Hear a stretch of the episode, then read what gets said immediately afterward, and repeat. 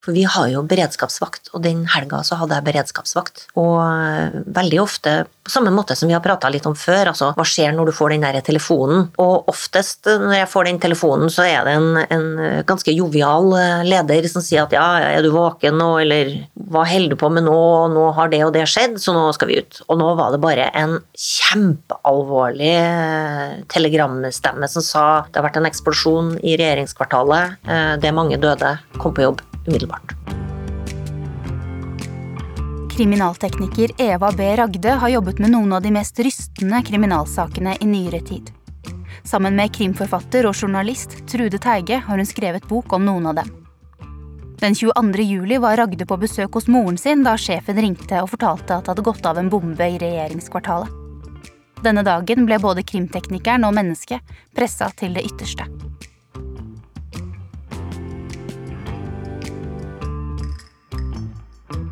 På åstedet er eh, skrive med utgangspunkt i saker som du har vært med på å oppklare, Eva. Ja. Men vi har, vi har endt opp med seks saker Ja. som vi da forteller om i denne boka. Men vi har snakka mange flere, da.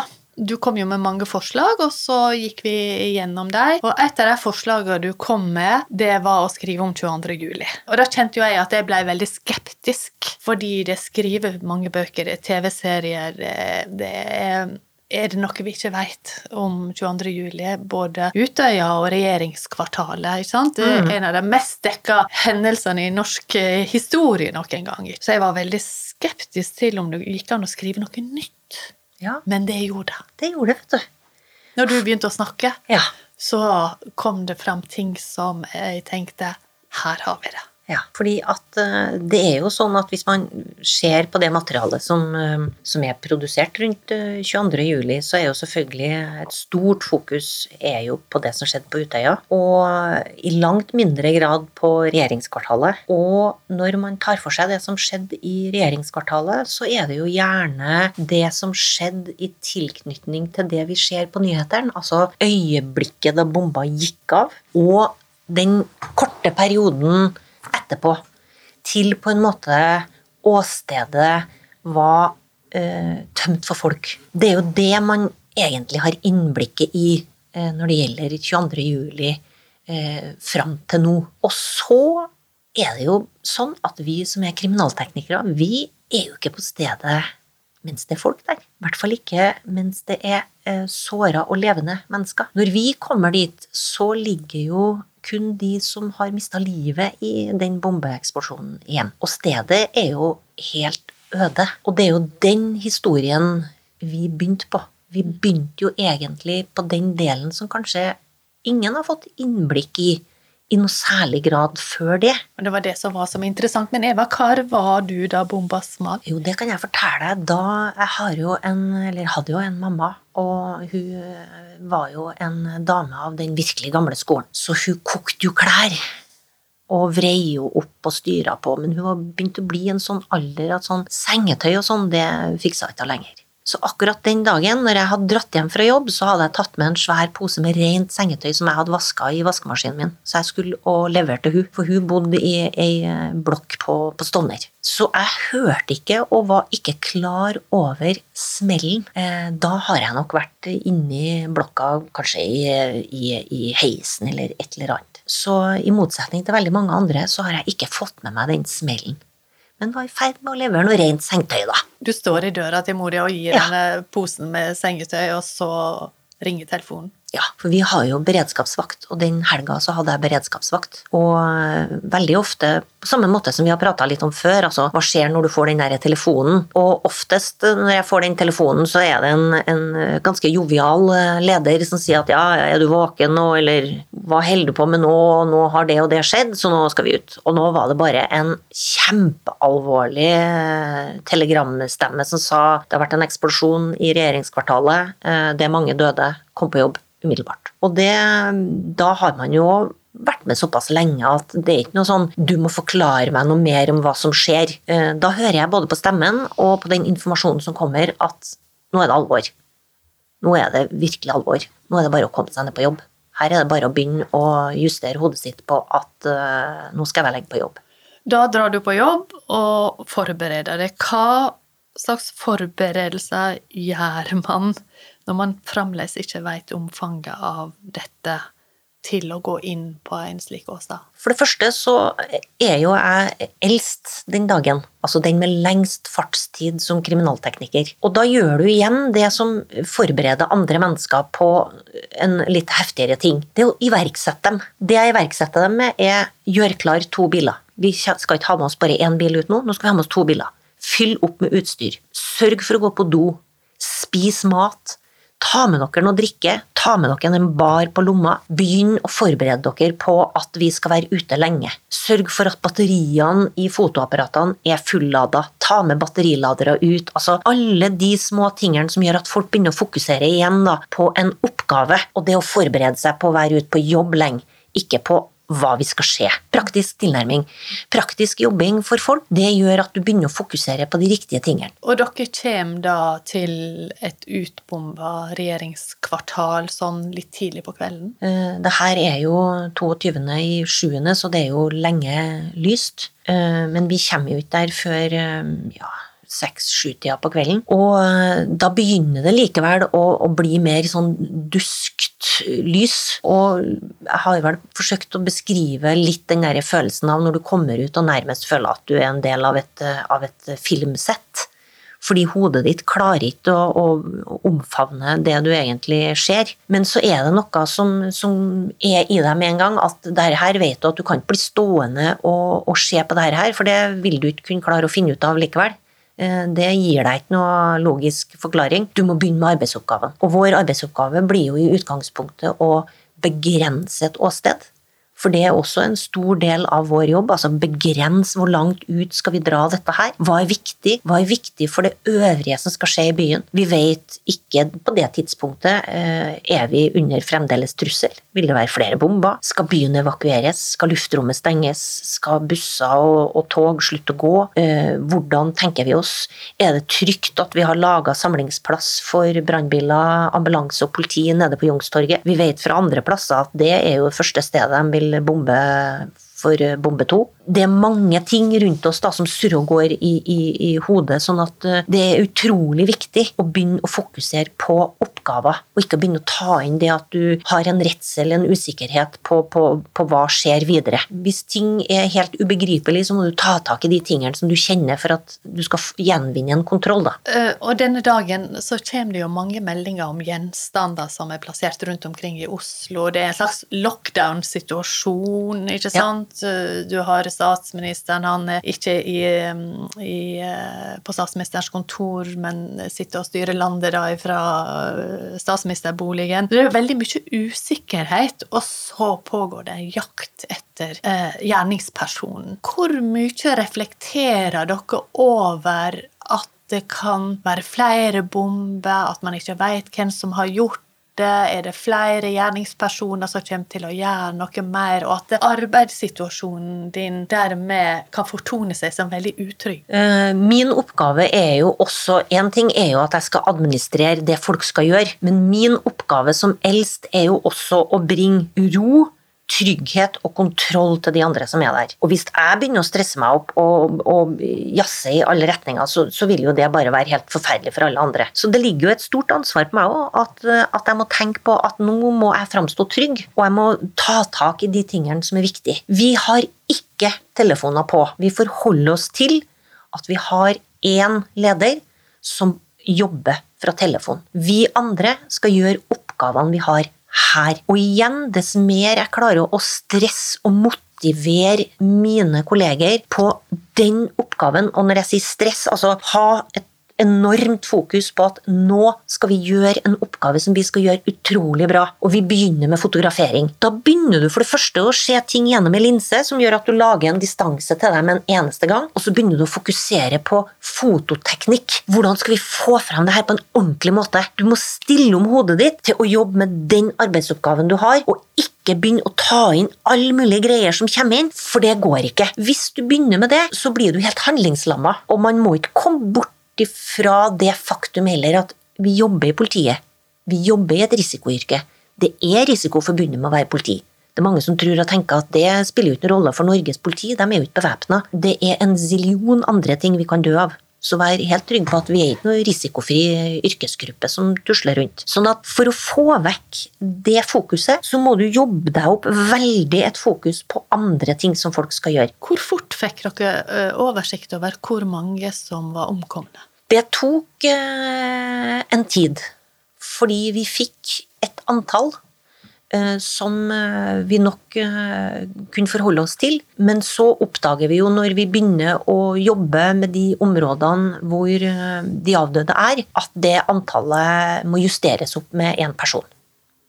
Vi gikk fra sju til åtte. Ja. Mm. En ting som du fortalte meg, og, og, som man kan lese enda mer om i boka, men som var interessant, det er den metoden dere bruker til å gjennom søke et så stort område. Dere ruter det inn. Ja, og det er jo fordi at vi Én ting er jo det rent spormessige, men du har jo parallelle ting som går hele veien. Du har en etikk i det hele. Eh, vi skal jo vite at én ting er at vi har tatt inn spor, men vi skal jo òg ivareta en hver minste fraksjon av levning som er igjen på et sånt område. Og nå snakker vi om et stort område som har vært utsatt for stor kraft. Og da forstår alle at vi leter jo ikke etter hele mennesker, og at det skal være en ordentlig måte hvor vi skal kunne se de pårørende i øynene etterpå. Og de skal være helt trygge på at vi har gjort en god jobb, og at vi har gjort en ordentlig jobb, og at vi har ivaretatt deres pårørende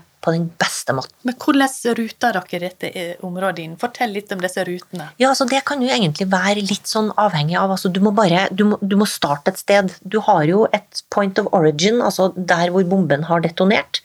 Og så vil du gå ut derfra og rute opp mindre og større områder hvor du forventer å finne det ene eller det andre. Spor fra bilen, spor fra bomba, levninger etc. Og så lager du innafor den firkanten, så får tre stykker f.eks.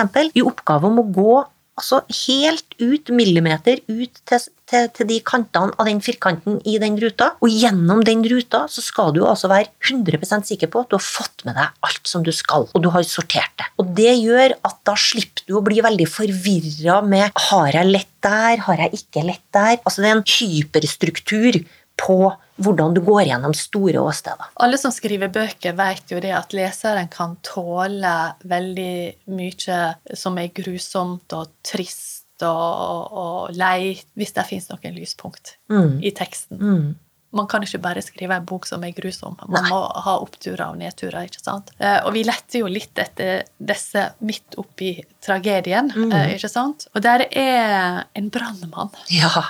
Denne første natten da, så du må fortelle om? Ja, det kan jeg godt gjøre. Når du, når du, som forskjellige yrkesgrupper står i en sånn ting, så bindes du sammen på en veldig spesiell måte. Og du blir opptatt av å ta frem det beste i deg på, på alle ting. Altså du, du vrenger deg sjøl innenfra og ut for å være på ditt beste mot andre mennesker. Og i det tilfellet her så, så var det jo sånn at uh, Oslo brann- og redningstjeneste sin hovedbrannstasjon var jo faktisk ramma av bomber. De fikk jo faktisk deler gjennom vinduet. Portene deres ble tatt ned. I tillegg så måtte de yte bistand fordi at det brant jo på stedet. Det var jo ting fra den bilen her som begynte å brenne. Og de kom, Oppe i etasjene og ja, flere plasser. Ja. Mm.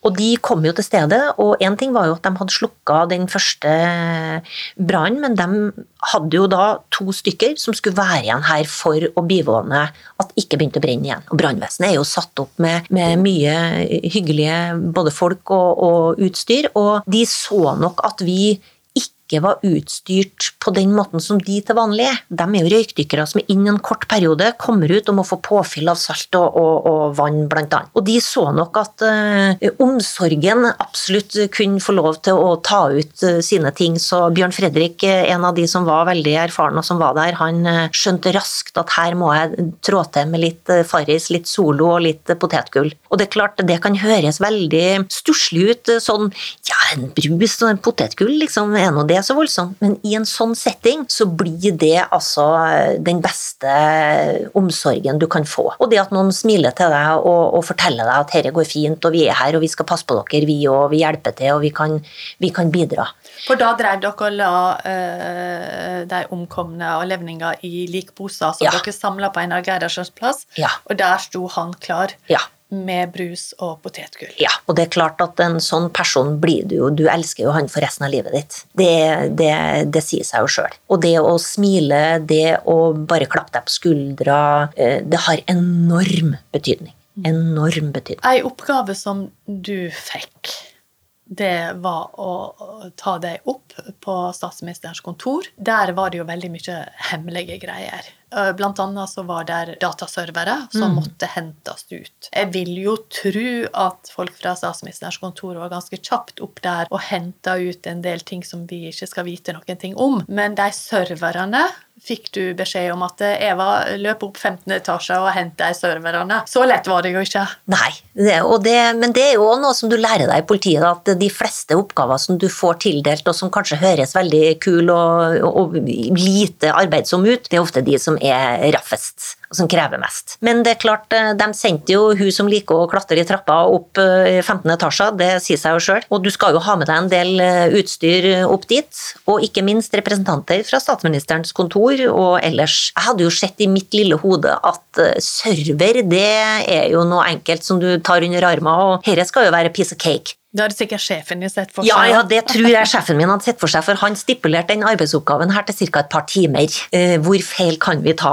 Og eh, opp der, og det som var største utfordringa, for det første, det går jo ikke en heis. Eh, trappehuset var jo også prega av, av, bomben, sånn at vi måtte jo være veldig forsiktige når vi tok oss opp trappa. Og jeg var jo ganske godt påsela med forskjellig utstyr. Og når vi kom opp dit, så var jo ikke det en etasje som vi da hadde rydda og fotografert. Ja, hvordan så det ut på statsministerens kontor ja, nei, altså? Alt, hele den etasjen egentlig var jo at all tak S har jo falt ned, all struktur, eh, veggplatene er jo slått inn, det ligger vinduer, det ligger møbler, det ligger eh, Bilder av statsministre og Whatever, ikke mm. sant. Mm. Kunst som du har hatt på veggene, statuer som du har hatt, pynte, nips, bokhyller, alt sammen ligger jo i én svær eh, pøl. Og så er det jo sånn da, at tingenes tilstand er jo alltid sånn at de serverne her er jo ikke på den sida hvor vi kommer opp.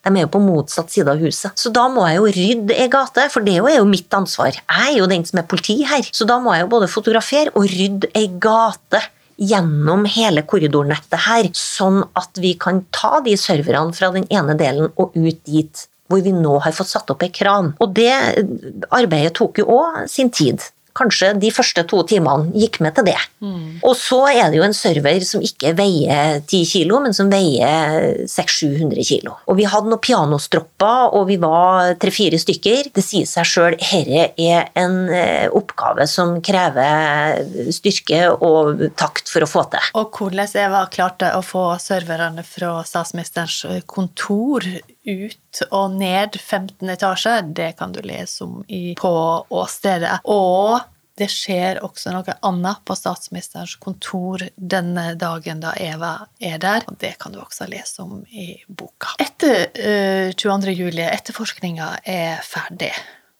så skal du forberede deg til rettssaker, for du skal inn og vitne der. Og vi har så vidt snakka litt om mora di, som mm. du var og leverte sengetøy til. Da, da, skjer det egentlig to ting som har overskrifta uh, sorg, tenker jeg, og, og, smerte. Det ene er uh, mora di som blir alvorlig sjuk, og samtidig så får du spørsmål om å orientere de som står i si sorg etter bomba small i regjeringskvartalet. Fortell litt om det. Ja, det er jo kanskje den um, mest utfordrende um, utfoldinga av treninga du har i å ha av og på-knappen. For jeg var jo min eneste pårørende til mamma her nede. Resten av familien min bor jo i Trondheim, og det er jo naturlig at uh, du som bor her, vil ta det største ansvaret. Og uh, mamma har aldri vært en, en A4-person, uh, heller ikke nå når hun ble sjuk, og alltid vært veldig avhengig av meg. Det var én person i verden som kunne ordne opp alt. Og det var Eva. Og det gjør også at når, når, hun nå havner i helsesystemet, så var det veldig utfordrende. Det var veldig utfordrende fordi hun var en krevende pasient. Veldig redd. Slo feil på en god del medisiner og fikk hallusinasjoner og i det hele tatt. Og det er klart jeg skal være der for hun, samtidig som hodet mitt på dagtid er knytta opp til at vi står med en sak som altså Norge karakteriserer som etterkrigstidens største utfordring utfordring. Og der er det også mange mennesker som altså har mista sine. Og det å da klare å skru av og på-knappen i forhold til å uh, takle min egen eh, hverdag etter at jeg er ferdig på jobb, uh, samtidig som det kommer telefoner og sånn på kveldstid også, og å takle andres uh, sorg mens jeg er på jobb, den var ganske heftig. Så du skal uh, forberede 22. juli-rettssaka. Uh, eh, fritida di tilbringer du sammen med mor, som vi kan vel si egentlig da får en dødsdom, at hun ja. er så alvorlig syk at hun kommer til å, å, gå bort. Og så får du et spørsmål om å treffe de pårørende fra regjeringskvartalet. Og det var vi jo egentlig veldig Vi var jo veldig eh, positive til akkurat det. Fordi at vi så jo viktigheten av å være der for de pårørende. Eh, nettopp fordi at veldig mange pårørende Eh, i veldig mange saker, men også i denne saken her, tror at de nå skal få et oppgjør med en gjerningsperson som har frarøva dem eh, sine, sine, kjære. Og det gjør det jo ikke. Dette er jo statens oppgjør med en gjerningsperson. Og det var vanskelig å, å forklare til, til mange som naturlige, som står i en bunnløs sorg. Og de som var pårørendekontakter i, i Oslo, de kom opp med en, en idé om at hva om dere som vet alt, kan få lov til å forberede dem litt. Og det er ikke vanlig for oss som krimteknikere heller, men vi syns at det var en, en fin måte å gjøre det på. Og her følte vi at vi virkelig kunne bidra. Eh, da vi sa ja til det, så, så hadde nok ikke jeg tatt helt innover meg heller at eh, mamma var dødssyk. Hun hadde jo fått aggressiv eh, lymfekreft, og det, det, er vanskelig å liksom uh, ta inn alt mulig når du står midt oppi så mye uh, minustinger. Men det er helt klart at jeg hadde nok heller ikke sett for meg at hun skulle dø et par dager før jeg da skulle stå overfor alle de pårørende. Det hadde jeg jo ikke. Så mora di går bort? Og så to dager etterpå så står du ansikt til ansikt med disse menneskene i sorg. Uh, og du har snakka om av og på-knappen, som du er jo ekstremt god på da. Hvordan klarte du det? Jeg hadde en som jeg jobba sammen med også på 22.7, som var eh, ekstremt viktig for meg da. Ole, og han har jeg jo beskrevet litt i boka også. Eh, og han var jo til stede sammen med meg, og jeg hadde også sagt at ingen tar borti meg. Ingen stryker på meg, ingen, ingen kommer og begynner å vise omsorg, for det går ikke.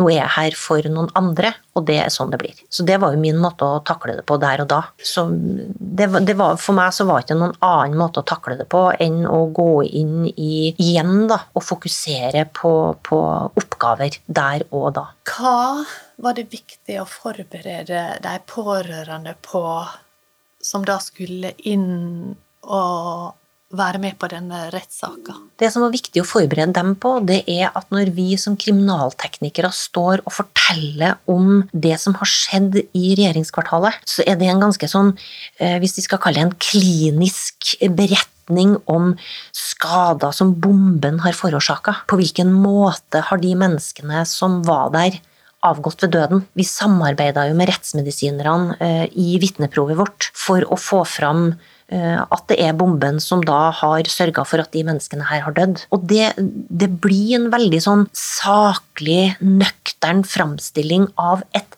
hendelsesforløp. Det er fakta. Det er fakta. Og det var det vi forklarte dem, og da sa vi også at hvis dere ønsker å vite noe mer, hvis dere ønsker å se bilder eller annet som ikke vil bli vist i retten, så kommer dere til oss nå.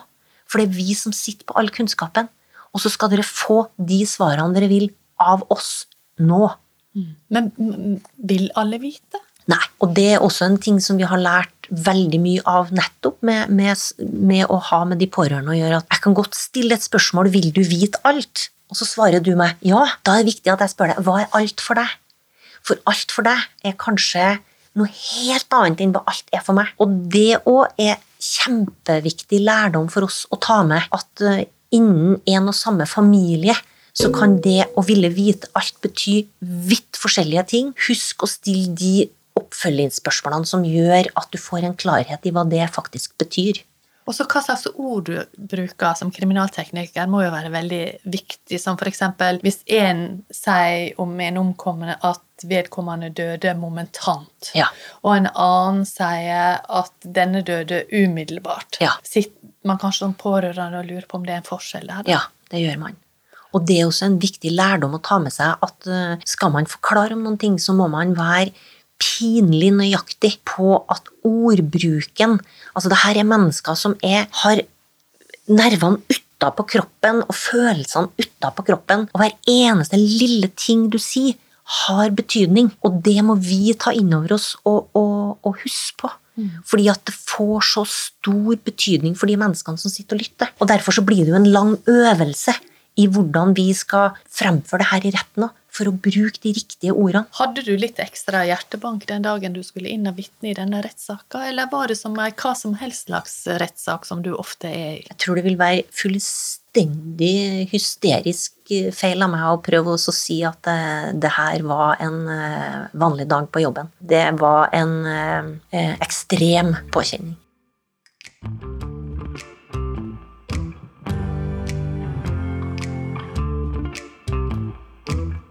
Mer om kriminalteknikerens hverdag kan du lese i På åstedet, utgitt på Aschehoug forlag.